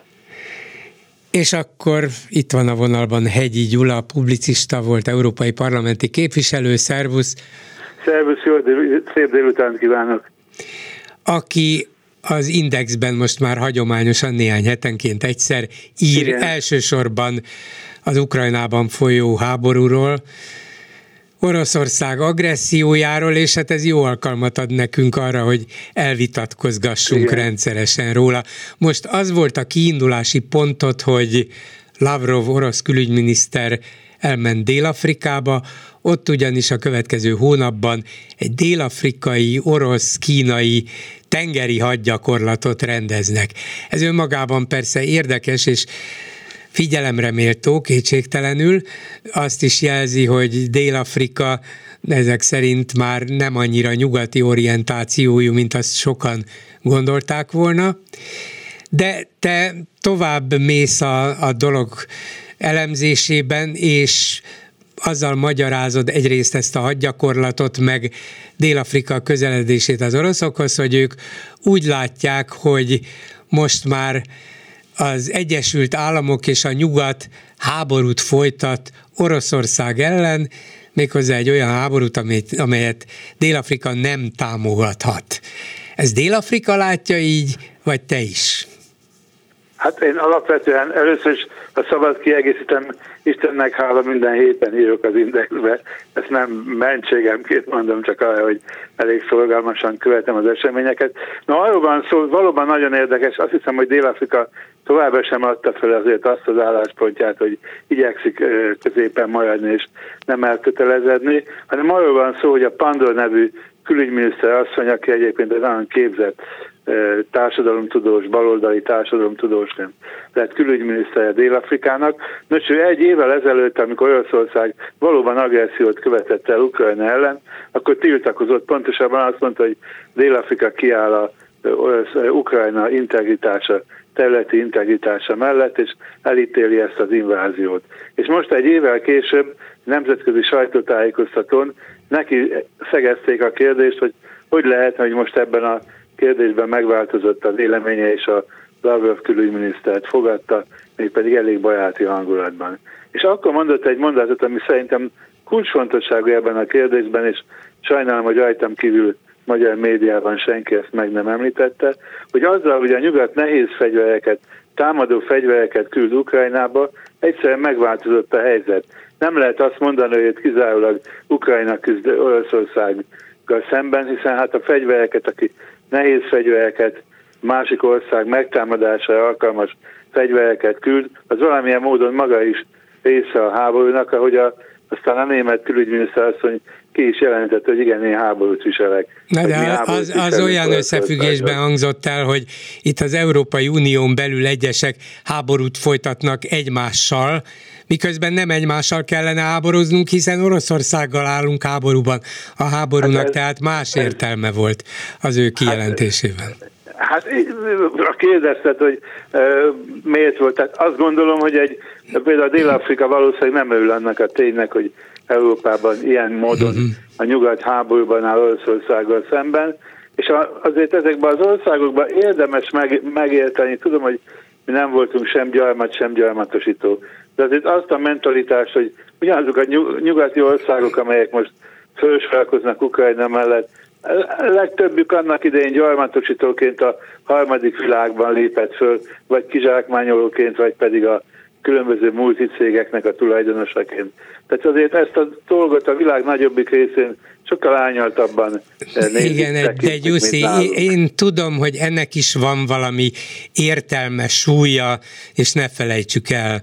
De hát ezen az alapon te, mint MSZP-s politikus, mégiscsak gondolom, hogy öm, azt mondod, hogy hát rendben az MSP előpártja, az MSMP, az mégiscsak a, a kommunista egypártrendszer letéteményese, a hatalom gyakorlója volt, és nem feltétlenül dicsőséges az a néhány évtized, amit egypártrendszerben éltünk le, de ez nem kell, hogy meghatározza az MSP mai demokratikus politikáját. Fel lehet neki hánytorgatni, igen, lehet ezerszer is fölemlíteni, hogy ti bezzeg akkor, de az MSP megváltozott, demokratikus, szociáldemokrata párt lett. Nincs annak értelme, hogy azt mondják, de bezzeg 90 előtt mit csináltatok? De, elnézést kérek, de őszintén nem tudom, hogy ez ez, ez, ez hogy ide? Hát úgy, hogy a, a gyarmattartó múltat felhánytorgatni a nyugatnak, hogy most az ukrajnai háborúban, vagy az Ukrajnában folyó háborúban mit csinál? Nem, az a baj, ne halljuk teljes tisztelettel, hogy az a baj, hogy én tényleg most már hál' Istennek nem töltök be, nem vagyok alelnök az MSZP-nek, szabadon gondolkodó ember vagyok. Én geopolitikai jellemzéseket írok, egyre jobban próbálom megérteni azt, hogy hogy mi történik, és az a fajta, hogy mit illik eh, mondanom azért, mert eh, bizonyos párthoz tartozom, egyébként tehát a MSZP választóinak rokon eh, egész, egész másképpen gondolkodik erről a kérdésről, mint mondjuk te például, hogyha szabad ezt így hogy mondanom, erről, meggyőző, erről meggyőződöm különböző beszélgetéseken. De ha egy picit megengeded, akkor tényleg, és nagyon örülök, hogy hívsz, és nagyon örülök, nagyon tisztelem a klubrádió hallgatóit, hogy talán egy, egy dolgot szeretnék konkrétan, a konkrétumban túlemelked, túlemelkedni, hogy nagyon érdekes és fontos számomra, az előző órát is hallgattam, hogy Magyarországon el, hosszú évek után ismét egyre fontosabb lett a külpolitikai gondolkodás. Ha megnézed, a belpolitikai viták már szinte sajnos senkit nem érdekelnek, és a külpolitikában, geopolitikában egészen új médiumok keletkeznek. Hát én nekem hál' Istennek van, hogy néha ők is megkérdeznek. Tehát vannak olyan, főleg fiatal emberek vezette geopolitikai, nem akarom a nevüket itt reklámozni, interneten, rádióban, televízióban, olyan fórum, ahol az emberek, ha szabad mondani, egy reálpolitikaként nem, nem abból indulnak ki, hogy X-nek van igaza, van, vagy Z-nek van, hanem hogy, hogy mi történik valójában a világban. Hova megy a világ, amikor fölbomlik egy egypólusú Amerika központú világ, milyen fejlemények vannak. Ebből a szempontból érdekes például az, ami tényleg a magyar médiában, ha én nem írom meg, valószínűleg senki nem figyelt volna föl, hogy az oroszok, kínaiak, dél-afrikaiak miért tartanak közös hadgyakorlatot? Hát nyilván valami okuk van, nem akarják megtámadni Amerikát nyilvánvalóan, hanem olyan fajta összefüggéseket, kötéseket keresnek maguk, maguk között, ami eddig eszükbe se jutott volna. Tehát változik a világ, és nyomon, érdemes nyomon követni, és azt hiszem érdemes több tényt föltálni, és kevesebbet ítélkezni. E, ez, hogy ezt, ezt a dél-afrikai külpolitikai irányváltást észrevetted, ez, ez abszolút e, helyes, és nagyon, nagyon jó, hogy erre fölhívod a figyelmet, persze. De hogy te magadévá is teszed azt a dél-afrikai külügyminiszter által feltételezett tényt, hogy a nyugat a támadó fegyverek szállításával már nem csak Ukrajnát akarja megvédeni, hanem Oroszországot legyőzni. Ez szerintem teljes tévedés. Hát miért ne szállítana úgynevezett támadó fegyvereket a nyugat, ha egyszer Oroszország hatalmas ukrán területeket foglalt el, és ezekről Ukrajna csak úgy tudja kiszorítani az orosz haderőt, hogyha vannak harckocsiai, vannak, van tüzérsége, és ezek támadó fegyverek fegyverek kétségtelenül, de ha nincs támadó fegyverem, akkor fölteszem a kezemet és megadom magamat. Egyébként egy mondatban én is utáltam a írásom, vagy logikailag ez valóban a, a, ez a dél-afrikai meggondolás logikailag látszólag eh, valóban téves, és te ezt nagyon okosan észrevetted, de alapvetően mégis arról van szó, csak követjük a ukrán eh, megnyilatkozásokat, akkor föntartják a jogot maguknak egyrészt, hogy Oroszországot is támadják, már pedig azért kérdezem én, hogyha Egyesült Államokat orosz rakétatámadásra érne, akárki is lőttek ki őket, akármelyik ország lőtte is ki őket, valószínűleg az amerikai válasz sem lenne túlságosan barátságos. Természetesen, de hát egy... ez komoly, komoly veszélynek látod, hogy Ukrajna majd nem. megtámadja Oroszországot? Én... Hát az, orosz, az ukrán vezetők szívesen tennék ezt. Természetesen, és azok az amerikai bejelentések, hogy e, szeretnék megváltoztatni Orosz, e, Oroszországban a kormányzást, más vezetőt akarnak Oroszország éléje, pontosan ezek azok, lehet, hogy mi nem érzékeljük, de pontosan ezek azok, amiért a úgynevezett nem nyugat világban, a világ többségében már nagy rokon szenved már nem érez. De hát Orbán mert... Viktor is szerette volna megváltoztatni a francia vezetést, nem Macronnak hívják az elnököt, hanem Löpennek. És számtalan politikus mondja ezt, vagy például Trumpnak hívják, és ne Bidennek. Hát még egy ilyen kisország vezetője is állandóan beleszól. Most akkor, hogy Amerika vezetője azt mondja, vagy kormánya, hogy nem szeretném, a Putyin lenne, persze, hogy nem szeretné, ugyanis agressziót követett el, és tízezrek halnak meg azóta is. De hát Orbán Viktor nem küldött, hál' Istennek, fegyvert a Löpen asszonynak. Hát még nem, csak, csak 10 millió eurót, így van. Nincs is, mód, nincs is módjában, de vissza tudok csak, arra, amit beszél, arról beszéltünk, ez a fajta geopolitikai gondolkodás hiányzik Magyarországon, nem látjuk át igazából hogy melyik, én ezt próbálom hétről hétre föltálni, és az biztos, hogy azt a fajta egypólusú világ széthullásában, ennek a, a nyugat-ukrajnai szereplésének bizonyosan része van. Nem jó, hogy így van, és, az, és, és még egy, és akkor ezt beszéljük meg tényleg éppen Ács Andrásnak, olvastam már nyilatkozatát, hogy az a kívánatos, hogy a teljes összes ukrán területet visszaszerezzék. Ugye Zelenszky elnök többször kijelentette, és ez a ukrán politika része, hogy akinek olyan útlevele van, azt ki kell, annak el kell hagyni a Ukrajnát, és ki fogják onnan űzni. Most a Krímben lakik több mint 4 millió ember, akik túlnyomó nagy többsége orosz. Őszintén szóval nem tudom elképzelni, hogy ezt a 4 millió embert ki lehet-e űzni onnan, és hogy Oroszország hagyni fogja ezt, hogy onnan kiűzzék.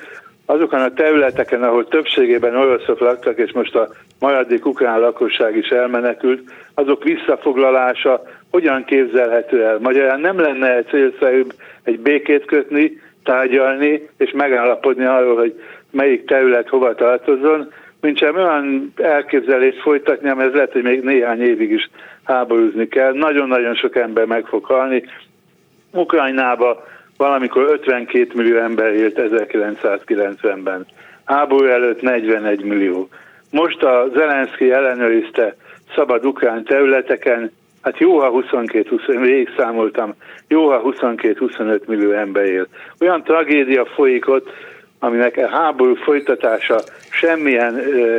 Na de miért, van? igaz, de, de miért van ez a tragédia? Mert Oroszország elfoglalta a Krímet, meg elfoglalta a Dombaszt, és onnantól kezdve az emberek elmenekültek, vagy áttelepültek Oroszországba, és ez a háború mostani második szakaszában tavaly február óta pedig meg sokszorozódott. Hát lehet mondani, hogy Ukrajna viselkedjen egy kicsit moderáltabban, a vezetők fogják vissza vissza magukat, ne követeljenek vissza mindent, de hát az egész emiatt a felelőtlen, gyilkos orosz politika miatt alakult ki.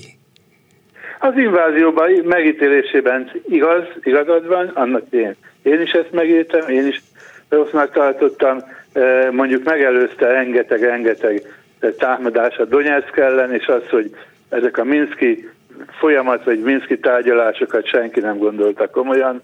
Maga Merkel asszony is bevallotta utólag, hogy nem hisz benne. Valamilyen módon e, muszáj lenne. Hát szerintem egyszerűen emberileg, geopolitikailag, magyar érdekből, nyugati érdekből az lenne a legfontosabb, hogy valamilyen módon mégiscsak létrejöjjenek olyan tárgyalások, amely olyan megoldás felvet, amely amelyet valamilyen módon Oroszország is el tud fogadni. Egyébként pedig sajnos mind a két félnek még nagyon-nagyon sok fegyvere van.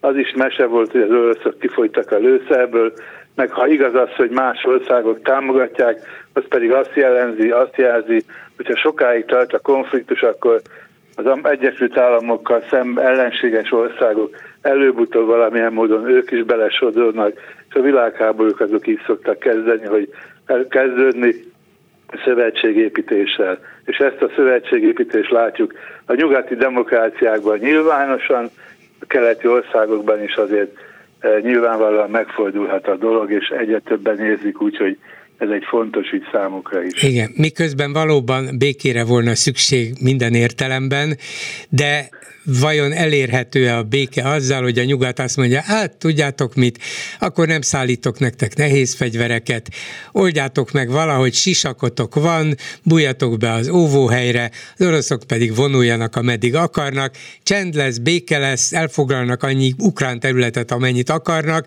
nélkülem ugyanis nem sokáig tudtok ellenállni. Hát ez a másik lehetőség, ez az alternatíva.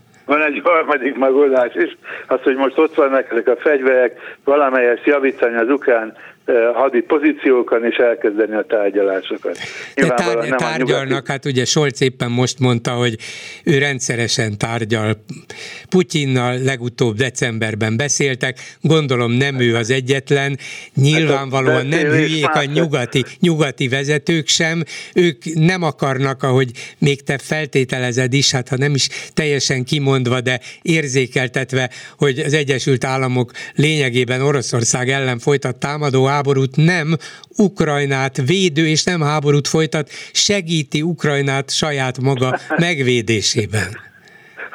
Hát a, az, az nevetséges, amikor a Putyin speciális operációnak hívja, ami háború, de hát a nyugat részéről is háború, ami háború. De hát ha nincs, hát nincsenek benne ebben a háborúban, hát nem mentek be a NATO csapatok Ukrajnába, hogy megvédjék, csak hát fegyvert szállítanak neki, ami minden háborúban így történik. És attól nem válnak hadviselő féllé, csak segítenek valakinek megvédeni magát. És még az is lehet, hogy nem fog sikerülni, vagy nem jól fog sikerülni, de az alternatíva csak az, hogy nem segítenek neki.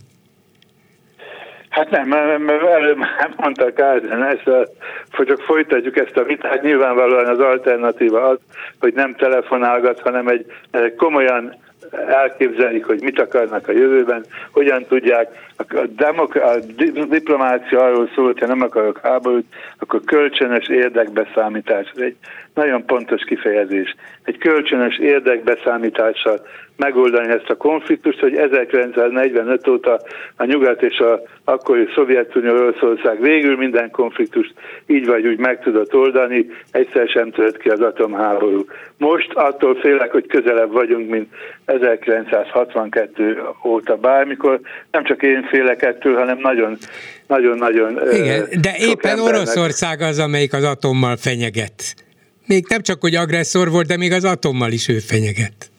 Ez a másik oldalon is ugyanúgy elhangzott az első csak az, most tényleg vitatkozunk olyan dolgokról, meg tények. Hát az, hogy az Egyesült Államoknak joga van az első atomcsapásra is, ez az amerikai katonai stratégiának az egyik eh, kulcsmondata. Igen, ez nem... igen, ez rendben van, csak nem ettől független ebben a konfliktusban, ezt még senki nem mondta. Viszont az oroszok számtalanszor mondták, Szerint... és, és sugalták, és érzékeltették, és a médiájukban rendszeresen ismétlik, hogy akár elsöpörhetnénk a föld színéről Berlint, Londont, és így tovább. Hát igen, ezt nyilván ez ostoba újságírók sok mindent, meg másodlagos politikusok mondanak. Medvegyev. Egyébként sajnos lehetőségük van. A legnagyobb baj nem az, hogy mit mondanak, hanem az, hogy, hogy erre lehetőségük van. És még egyet, ha már az MSZP-t említetted, itt ugye talán nem nálatok kéne ezt ö, népszerűsíteni, de úgy hallottam, és többen beszélnek, hogy a, a fideszesek valami óriási béketüntetése eh, készülnek. Engem az is nagyon bosszant, mivel nagyon utálom a Fidesz rezsimet, ezt miután elmondom, szabadon, vázan. Eh, nagyon-nagyon nem örülök annak, hogy a magyar közgondolkodásban a béke és az Orbán, a béke és a Fidesz azok összemosódnak, és a másik oldalon, a bal oldalon nem igen látni olyanokat, akik kiállnak amellett, amit én békének gondolok. Ezért is örülök a szabad, akár így mondom, akár missziónak is tekintem, hogy bebizonyítsam azt, hogy a baloldalon is vannak, akik másképp látják ezt a konfliktus, mint a leg, leghéjább ukrán hírmagyarázók, és ezért a, a valamilyen módon igen, is egy baloldali béke lehetséges, nem azzal, hogy Ukrajnát felosztjuk, nem azzal, hogy Kárpátalját elcsatoljuk, nem azzal, hogy valami fajta ilyen magyar megoldást akarunk, hanem az ukrán nép javára az ukrán népet is megszabadítani ettől a háborútól, amit egyre kevesebben élnek meg egyébként Ukrajnába, ha így megy, akkor lassan mindenki elmegy onnan. Hegyi Gyulának köszönöm szépen. Szervusz! Én is köszönöm szépen. Háló, jó estét kívánok! Jó estét kívánok, van más vagyok. A Hegyi Gyula úrhoz szeretnék hozzászólni. Nem Igen. tudom, hogy ő még hallgatja a műsort, nem hát bízunk benne, hogy igen. igen. Tessék. E, hát e, próbálom a szavakat keresni, ez, amit elmondott a hegyi úr, lehet, hogy egy publicisztikát ír meg, ele, meg világgazdasági, meg világpolitikát elemez, de amit elmondott, az egy őrületes nagy butaság volt.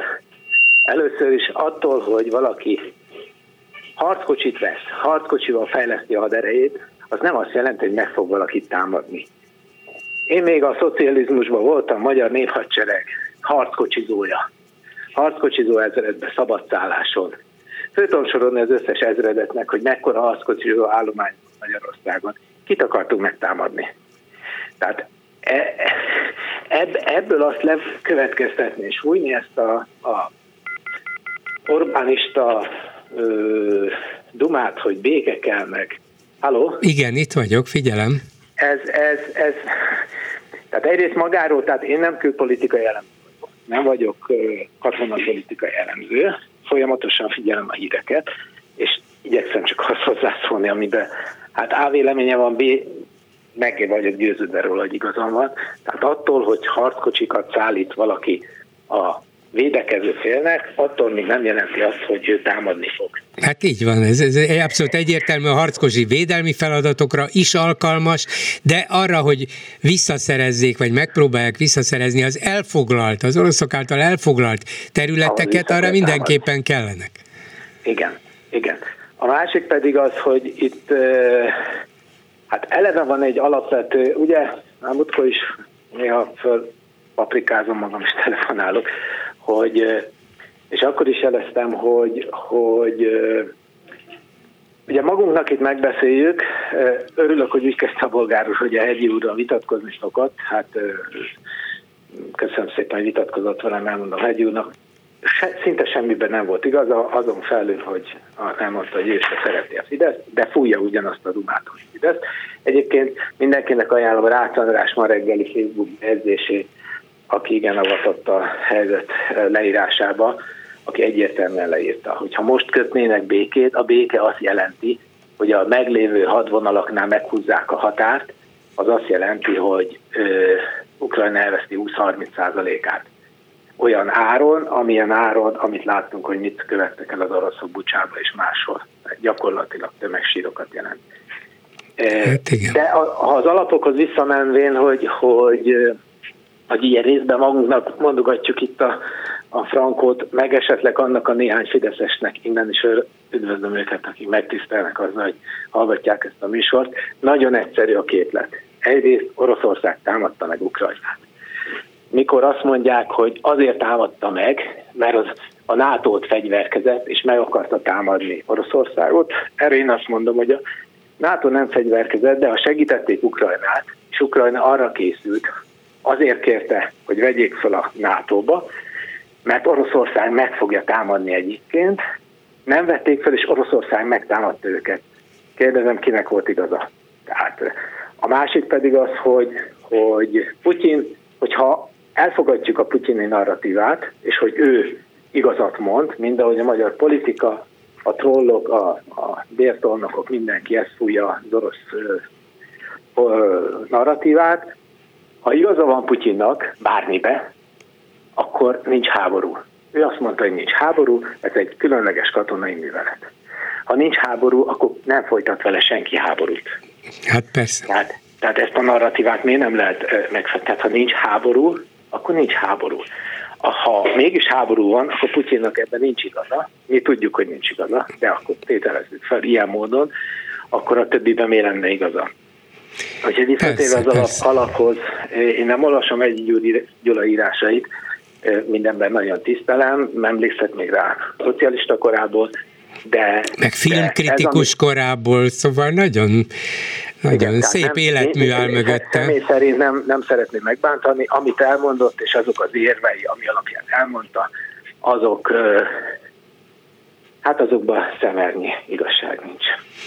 De van benne egy olyan aggodalom, ami valószínűleg azért a magyar társadalom jelentős részében van, hogy jobb lenne ezt az egészet abba hagyni, és Orbán erre játszik, hogy hát ez nem a mi háborunk, ezt intézzék el egymás között ezek, a, ezek az oroszok, meg egyéb szlávok, majdnem orosz, ukránok, mi közünk nekünk ehhez, ugye? És ezt valószínűleg a tovább nem gondolkodó magyarok, és ezek nyilván milliószámra vannak, elfogadják.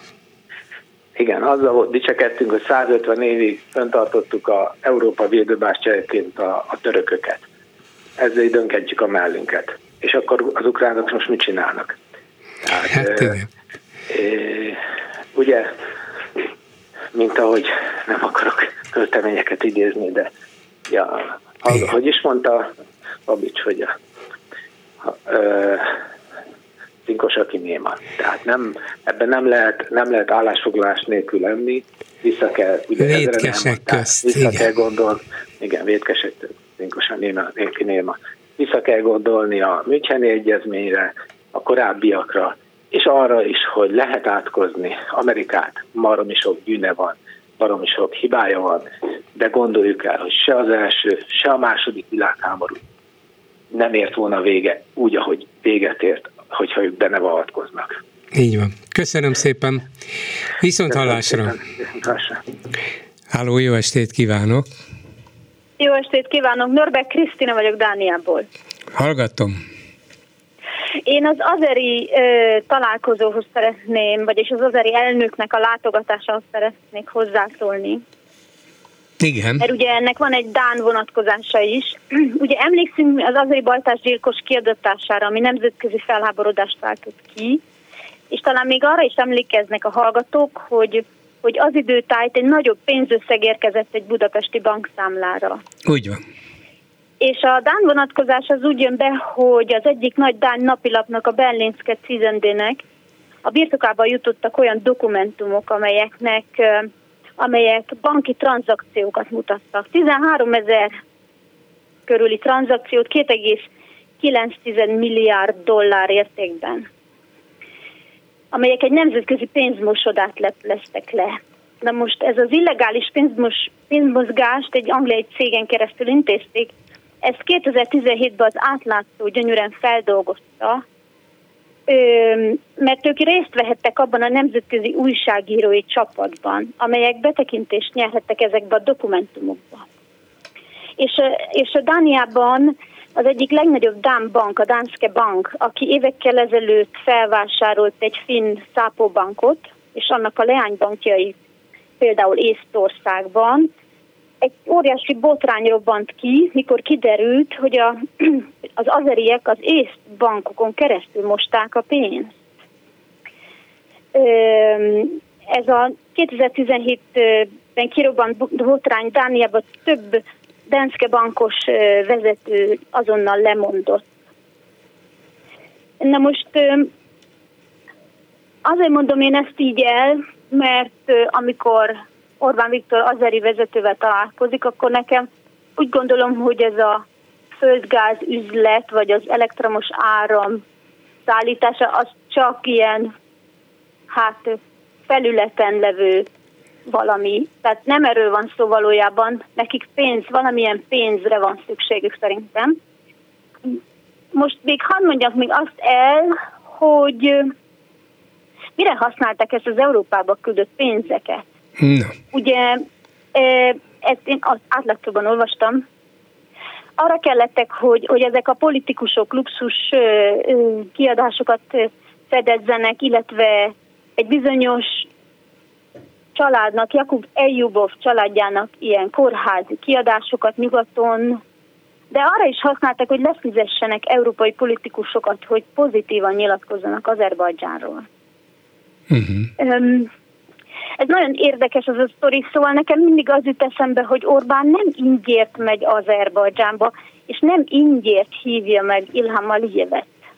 Itt valami biznisz köttetik, és nem elsősorban az ország érdekében, hanem azért, mert Orbánnak pénzre van szüksége, tehát most addig is, amíg, és ez egy pénzforrásnak tűnik az ő számára, ahol a NER lovagok éhes szájait kell betömni, illetve hát neki pénz kell ahhoz is, hogy amerikai újságírókkal lobbizhasson, mm, és még mit tudom én, mire. Uh-huh. Um, had, hát nem védjem meg Orbán Viktort, az, az nincs ínyemre, de azért miközben feltételezem, hogy lehet sok minden abban, amit mond, főleg ebben a sötét azeri ügyben a kezdetektől fogva nagyon sötét kapcsolatok alakultak ki. Az azeri mondjuk így egyeduralkodó vagy önkény úr és a magyar önkény úr között, de azért amióta az oroszok minimálisra csökkentették a gázszállításokat Európába, mindenféle szankció nélkül, ezt az oroszok csinálták. Azóta Azerbajdzsán fölértékelődött az egész Európai Unió számára is, úgyhogy von der Leyen, az Európai Bizottság elnöke már tavaly nyáron állást foglalt amellett, hogy Azerbajdzsánból több energia kellene. Azt hiszem most januárban is, pár héttel ezelőtt, vagy nappal ezelőtt is találkozott Aliyevvel, úgyhogy az Európai Unió kifejezetten megpróbálja bevonni Azerbajdzsánt ebbe az európai gázellátásba, vagy energiaellátásba, egyszerűen azért, mert szüksége van, és Azerbajdzsán kevésbé veszélyes ország, ebből a szempontból, mint Oroszország, amelyik nyílt agresszor, Azerbajdzsán hát legfőjebb Örményországgal hadakozik, az se szép, de ott speciál gyakran az oroszokkal kerül szembe, akik furcsa módon inkább az örmények mellett foglalnak állást. Úgyhogy mint minden a világon ez is elég bonyolult, ez az azerbajdzsáni rendszer hát nem, nem igazán demokrata, és nem is lehet igazán a, a megbízhatóság mintaképének tekinteni, de valószínűleg égető szüksége van arra, hogy az, energia, az energiaforrásait az energia termelését eladja külföldre, földgázt, olajat, mert ez a fő bevételi forrása Azerbajdzsánnak, Európának pedig ezekben az években nagy szüksége van rá, és ennyiből Orbánnak ez a különleges kapcsolat építése beleillik a sorba. Én ezt értem, bolgár úr, és azt gondolom, hogy ez biztosan így is van, tehát hogy szükségük van az energiára. De ez nem zárja ki azt, hogy Orbán Viktor privát üzletel ezeken a különböző pénzmosó, hogy mondjam, ők csatornákon keresztül.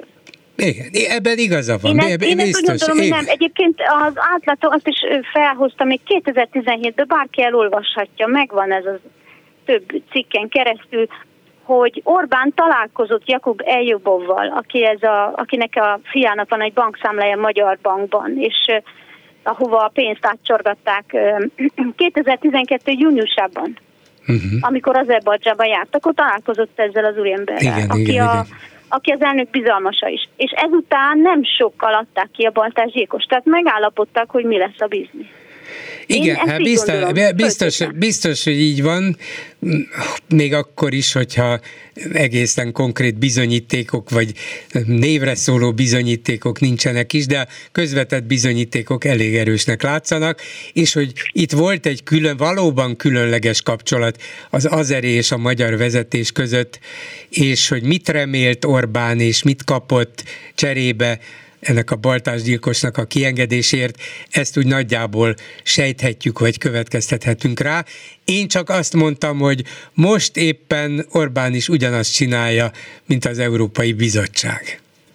Hát igen, vagy azt is mondhatjuk, hogy az alatt, ö, a, hogy mondjam, egy ilyen hivatalos magyarázat mellett ö, fű alatt más dolgot is művel. Jó, nem ez tudom, lehet, én ezt ez csak lehet, a véleményem, igen. tehát nyilván nem állíthatok semmit. Mindenkinek javaslom, hogy olvass el a régi, ezt a régi cikk sorozatot, és legyen egy kicsit elgondolkodóbb az ügyben. Igen, igen, igen, így van. Köszönöm, hogy fölhívta rá a figyelmet. Viszont Mindenkinek hallásra. minden jót kívánok, viszont hallásra. Mit írnak a Facebook kommentelőink, Lőrinc Saba? Szia Gyuri, köszöntöm a hallgatókat. A Hegyi Gyula interjút megmozgatta a kommentelőket. Több komment is érkezett, ami kifejezetten erre reflektál. Egy alkalommal Hegyi Gyula azt kérdezte, hogy hogy jön ez ide, erre rögtön rácsapott egy, egy hozzászóló, hogy ember nem látja, most jövök Moszkvából, írja. Aztán voltak még egy pillanat türelmet csak el, elmászott a, videó, ez, ez egy kicsit nehezebb így. A tüntetések csak tükör önmagunknak írja egy másik kommentelő egy másik témában. A hatalom bunkóságától függ, hogy mennyire törődik ezzel. A tükör kicsi, a bunkóság óriási. Hát igen, minden, mindenféle van, nagy tükör is van meg nagy arc is van, minden van. Igen, igen. A, ismét egy újabb téma, a Varjú László ügy, illetve az, az ítélet kapcsán. Kihirdetett az ítéletem, írja első személyben egy hozzászóló, felfüggesztettet, felfüggesztettet kaptam, vád ellenem, a nyakamat folytogató kezet brutálisan megszorongattam. Mm-hmm. Vandalizmusomtól a szorító kéz nagyon kék lett, erre utal az anamnézis. Még jó, hogyha felfügg, hogy felfüggesztést kaptam, ezzel az erővel lóghatnék is. Pénzbüntetést kapott. Pénzbüntetést. Igen, igen, igen, hát ez szabadabb volt a rimpár igen, igen, megfelelően. Igen. Tényleg ennyire futotta, írja egy másik hozzászóló, viccelt a miniszterelnök idézőjelben. Tehát, ha mondjuk egy joggal büszke nacionalista ukrán rossz pillanatában, ez megint csak egy ö, idézőjeles gondolat, egy ott élő magyar származású emberen töltik ki a bosszúját. A miniszterelnök át nem gondolt orosz propaganda szövege miatt? Majd az, azt mondjuk a családjának, á, csak viccelt a miniszterelnök úr. Hát csak mindent lehet mondani, de ez, ez egyre kínosabb, ez a csak viccelt, ez, ez elég gyenge magyarázatnak látszik. Nő a szakadék az EU és Magyarország közt, ez egy újabb beszámoló Orbán úgymond beszédéből. Tehát bele kéne lökni, aki a szakadékot ásogatta. Jaj, nem lökünk be senkit szakadékba, visszarántjuk a szakadék széléről. És ha már az azeri, azerbajdzsáni tállátogatás, illetve szövetség szóba került, az azeri baltásgyilkos, akit Orbán hazaengedett, jó pénzért, itt egy kérdőjelben van egyébként a, a gondolat és zárójelbe zárva, akit otthon hősként kitüntettek, a fanatikus fundamentalitást, fundamentalistát. Ez is tagadja, tagja volt a delegációnak? Kérdezi a nem hiszem, azért nem hozták ide, már ismeri Budapestet belülről. És nem biztos, hogy szeretné ezt. A további kommentek lényegében ezek, ugyanezekre ezekre a kérdésekre keresik a választ, illetve adnak sajátságosakat. De nagyjából ennyi lett volna. Illetve még egy gondolatra futott makadt meg a tekintetem. Próbálj, Bocsánat, elnézést közben törölték a kommentet, úgyhogy azt nem tudom most. Tényleg? Igen, igen, igen, eltűnt. Ennyire ütős volt, hogy Nem töröltek? egészen, tehát itt azért most egy kicsit furcsább a dolog, hiszen élőben is nézem a, uh-huh. a folyamot, és van, ami rég, annyira elévül, mert mondjuk két órával ezelőtt született, hogy már nem látom pontosan élőben, nem tudom lekövetni olyan gyorsan. Ah. Ennyi lett volna hát a akkor szekció. jó, köszönöm, egy hallgató a vonalban, jó estét kívánok! Itt azért most egy kicsit furcsább a dolog, élőben is Igen, a... de a hallgatónak telefonba kell beszélnie. már nem látom. Ezt már a múlt héten is kaptam egyszer, hogy a hallgató be volt kapcsolva, csak a telefonja nem volt a füle. Igen, jó estét kívánok! Jó estét kívánok, bolgár úr! Bevezetőbe azt hagy mondjam el, hogy az Orbán a világon semmit nem csinál érdek nélkül. De semmit. Halló? Igen, gondolkozom ja, rajta, jó. hogy hát végül is emberek vagyunk, és mindenki saját semmit. magából ő nem az ország érdekét ki. nézi, ő tesz erre az országra, nem érdekli, csak a saját érdeke. Semmi más. Gondolja, hogy a Putyinnal is nem a saját érdekét nézi. Nem. Ott is csak a saját érdeke számít. Na most még azt szeretném mondani, hogy én föl fogok menni a karmelitába. Na, szeretne, hát össze fogom szeretne hívni egy... ezt a sok okos embert, és számtanórát szeretnék nekik tartani. Mert hogy az 1 millió 400 ezer, az 97 százalék, akkor én ezt megtanítanám nekik a százalékszámítást. Nem jó ötlet? De van? ez nagyon jó, csak ki lesz az, aki meghallgatja? Ön órát tart, de a... Hát én a... nagyon remélem, hogy mindenki oda lesz kényszerítve. Gondolja? Mert ha nekik az 1 millió 400 ezer, az 97 százalék, akkor az a 3 százalék, majd csak ennyi magyar ember van összesen. Hát annak nem kell se miniszterelnök, se semmi, ha ennyien vannak összesen mert én biztos nem tartozom az 1 millió 400-ba, és nagyon sokan nem tartozunk bele. Hogy van ez akkor? Hát sokan nem hát, tartozunk, hát így van. Ez a... megérne, nem? Meg, hát el lehet mondani nekik így a rádión keresztül is, hogy ez a szavazásra jogosultaknak a 17 százaléka. De ezt hallja valaki, ezt elmondja valaki? Ezt Senki el, nem mondja de, el. De, de elmondják. Csak hát a Fidesznek van egy olyan fülebotja, amelyik nem mozog. Hát ez, ez, ez komolyan mondom, hogy, hogy ez már, már nem, nem is lehet erre szavakat találni. Hát Most a, de a gázára kapcsolatban, miután szavakat. ugye minden kerület, meg nem tudom, önkormányzat más-más áron kapja a gázt, ötszörös, meg tizenötszörös, meg nem tudom hányas áron. Szerintem ezeknek össze kéne fogni és feljelenteni a miniszterelnököt. Vagy bíróságra vinni ezt. És akkor... Honnan tudják, hogy mennyibe került a gáz? Honnan tudják? Itt horror árak vannak, fizettetnek mindenkivel, mert ezen is csak nyerni akarnak. Semmi más nem történik. Hát néha Ki érdemes... valahogy kényszeríteni belőlük, hogy mondják meg, hogy mennyiért szerezték be a gázt. Igen. Ki De kéne... ki fognak jönni ezek a horror számlák, akkor azon kívül, hogy mindenki eszik kezét, lábát, semmit nem tud tenni. Hát milyen dolog ez? bíróságon majd három év múlva esetleg meg lehet tudni, de Hát akkor majd három év már... múlva fognak fizetni. Az lehet. Addig nem fizetik ki a számlát. Ez igaz. Hát ennyit kell tenni. Köszönöm szépen. Köszönöm Viszont szépen. Hallásra. Viszont hallásra. Háló, jó estét kívánok. Jó estét kívánok, Tibor vagyok. Azzal kapcsolatban szeretnék hozzászólni, hogy megint téma volt az Orbán Viktor, hogy ki akar lépni az Unióból, vagy nem. Igen.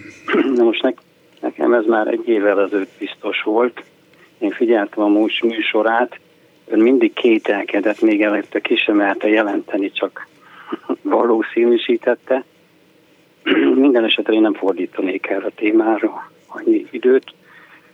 Na de ha ki akar, ki, valóban ki akar lépni, ahogy ön feltételezi, akkor még több időt kell ráfordítani, hogy fölébresszük az embereket, nem? Igen, de célszerűséget kell nézni. Tehát minket itt a klubrádió hallgatóit ez nem kell meggyőzni, hanem azokat kell meggyőzni, akik eddig a Fideszre szavaztak, és Orbán Viktor kell megelőzni abban, hogy ha mégis ezt meg akarja valósítani, akkor ne tudja, mert olyan nagy lesz a felháborodás. Ezt pedig csak úgy lehet megvalósítani, ha egyre több időt szentelünk arra, hogy bemutassuk a magyar népnek azt, hogy milyen hátrányjal járnak, ha kilépnénk az Unióból. Hát Tehát ezt is lehet, igen. ezzel, hogyha csak azt taglaljuk, hogy most ki akar lépni, komoly, ez nem komoly, mosolygott, a mosolyból mi lehet követ, mire lehet következtetni.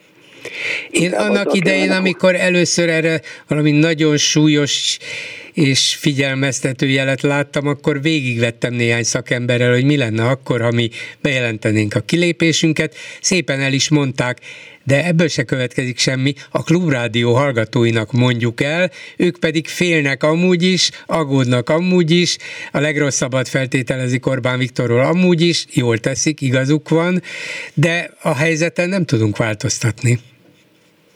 Hát én például reménykedek abban, hogy egyre többen hallgatják abban a klubrádiót, azok is, akik nem, de akik a Fideszre szavaztak, és azokhoz ugye az ő gondolkodásuk ilyen egy logikai menetes következtetésen alapul, és valahogy egy kicsit közelíteni kellene hozzá. Igen, de akkor viszont nekik el kell mondani, hogy Orbán Viktor egyre jobban, egyre határozottabban céloz arra, hogy nekünk nem az Európai Unióban van a helyünk. No, a lényeg az, hogy Igen. figyelmeztetni kell sokféle módon, ebben igaza van. Még, röviden egy dolgot szeretnék. Az a baj, hogy javas... most már ezt nem fogja tudni elmondani, nem tudom. de legközelebb, nem. jó? Megígérem. Köszönöm jó, szépen, köszönöm. viszont hallásra. Ezzel a megbeszéljük mai műsora véget ért. Készítésében közreműködött Král Kevin, Lőrinc Csaba, Kelecsényi Krisztina, Szabó Csilla és Csorba László, Bolgár Györgyöt hallották, viszont hallásra holnap.